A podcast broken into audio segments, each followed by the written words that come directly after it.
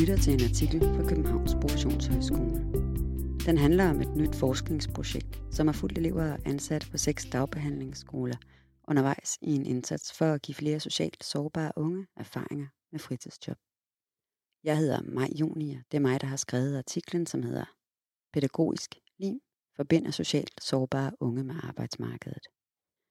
I en baggård på Vesterbro i København går ca. 60 børn og unge på dagbehandlingsskolen, skolen ved Sorte Hest. Her får eleverne både undervisning og behandling. Og de ældste elever får også mulighed for at få pædagogisk støtte til at prøve kræfter med et fritidsjob. Skolen har nemlig gode erfaringer med at støtte unge med diagnoser som f.eks. ADHD eller autisme i at få et fritidsjob. Så gode er skolen i januar 2020 med midler fra den AP Møllerske Støttefond bredte indsatsen Mit første job ud til 12 andre dagbehandlingsskoler i København og omegn. Undervejs er projektet blevet fuldt af to forskere fra Københavns Professionshøjskole. De har fokuseret på, hvad indsatsen betyder for de unge selv og for selve den pædagogiske og skolefaglige indsats, mens Analyseinstituttet Social Respons har stået for at evaluere projektet. Forskerne hedder Lone Brøndsted og Vibe Larsen, og de fortæller. Selve indsatsen er en håndholdt indsats omkring det at få et fritidsjob. Det vil sige, at de unge fik støtte og talte med de professionelle om det, hvis de oplevede vanskeligheder. De kunne også få hjælp til at lave ansøgninger, gå til samtale, og nogen har haft lommepengejobs på skolen, hvor de har gjort sig erfaringer med at passe et arbejde. Men det er ordinære fritidsjob, altså et rigtigt arbejde med løn og ikke en støtteordning. Vi har lavet biografiske, livshistoriske interviews med de unge og fulgt den pædagogiske praksis rundt om. Mens Vibe Larsen især har fulgt den pædagogiske praksis og været sammen med de fagprofessionelle, har Lone Brøndsted haft samtaler med de unge om deres liv. Hun fortæller. Jeg har selvfølgelig været optaget af de unges erfaringer med deres fritidsjob, men de erfaringer skal ses i lyset af alt muligt andet. Hvis man skal forstå de unges motivation for at få et fritidsjob, skal man forstå, at de er et sted i livet, hvor de er på vej. På vej ud af en periode, hvor de har haft det svært på mange måder. På vej ud af nogle udfordringer, måske med angst eller skoleværing. Det sted, vi har mødt dem, er de på vej videre og ved at få fat i det faglige. Udover den åbenlyse fordel i at tjene nogle penge, ligger der i det at få et fritidsjob også et ønske om at være en, i gåseøjne, normal ung. Det er et skridt ud i verden, som mange gerne vil tage. Ikke mindst fordi det indebærer et skift fra at føle sig som et problem, til at føle sig som en ressource. Lone Brøndsted fortæller. Der er en masse forhåbninger, som er vigtige, fordi de kan give energi.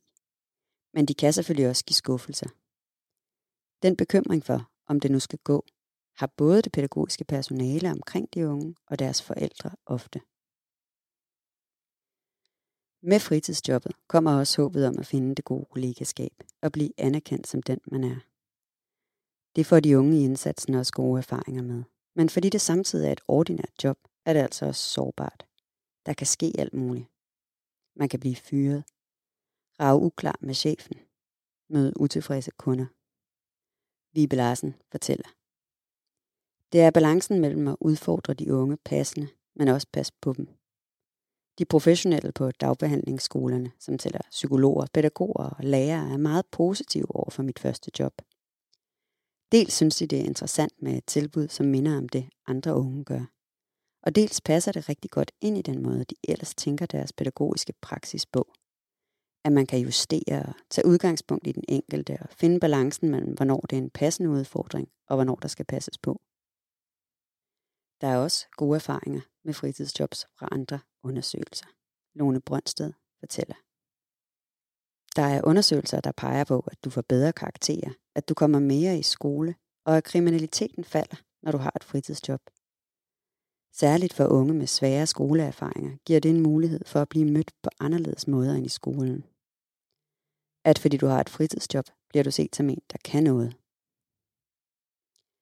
Gennem oplevelserne på jobbet får de unge nogle nye måder at fortælle om sig selv og det, de laver på. Og fordi det er en positiv måde at fortælle sig selv frem på, kan det være et godt modbillede til nogle af de dårlige oplevelser, de har fra tidligere skoleerfaringer. Samtidig bliver de unge også smittet af det positive syn på fritidsjobbet, som de professionelle rundt om dem har. Vive Larsen fortæller. De forhåbninger og forståelser af, hvad et arbejde er og kan, når man er ung, og som de professionelle har, er med til at forstærke de unges egne forhåbninger. Når de unge gerne vil have et job for at øve sig i sociale færdigheder, det at være sammen med andre mennesker, er det også en forhåbning, der går igen hos de professionelle. Men nogle gange skal man huske på, at et fritidsjob også bare er et arbejde. Så det er vigtigt, hvordan de professionelle fortæller om de her fritidsjob, for det er noget, de unge lytter til. Selvom projektet, mit første job, har været en succes, og selvom der generelt er meget potentiale i et fritidsjob, er det vigtigt at være bevidst om, at det ikke er en one-size-fits-all-løsning. Vibe Larsen fortæller. Forud for, at de unge i projektet kommer i fritidsjob, ligger der et meget stort tillidsskabende arbejde fra pædagogisk hold.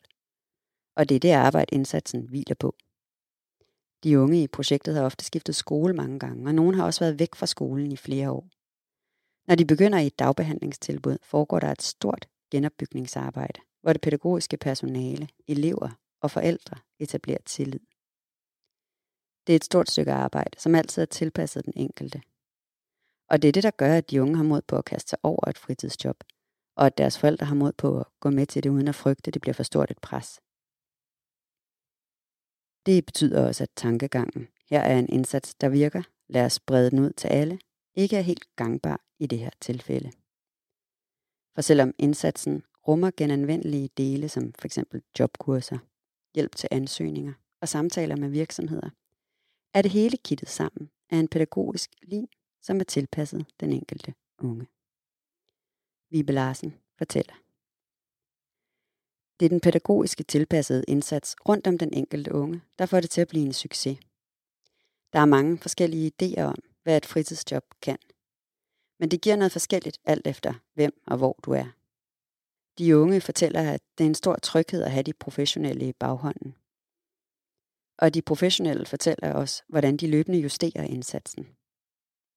Det er måske lidt usynligt, men det er der. For eksempel er det også en del af læringen for de unge, at de bliver prøvet af på en anden måde i jobbet end i skolen, hvor der kan tages alle mulige hensyn til dem.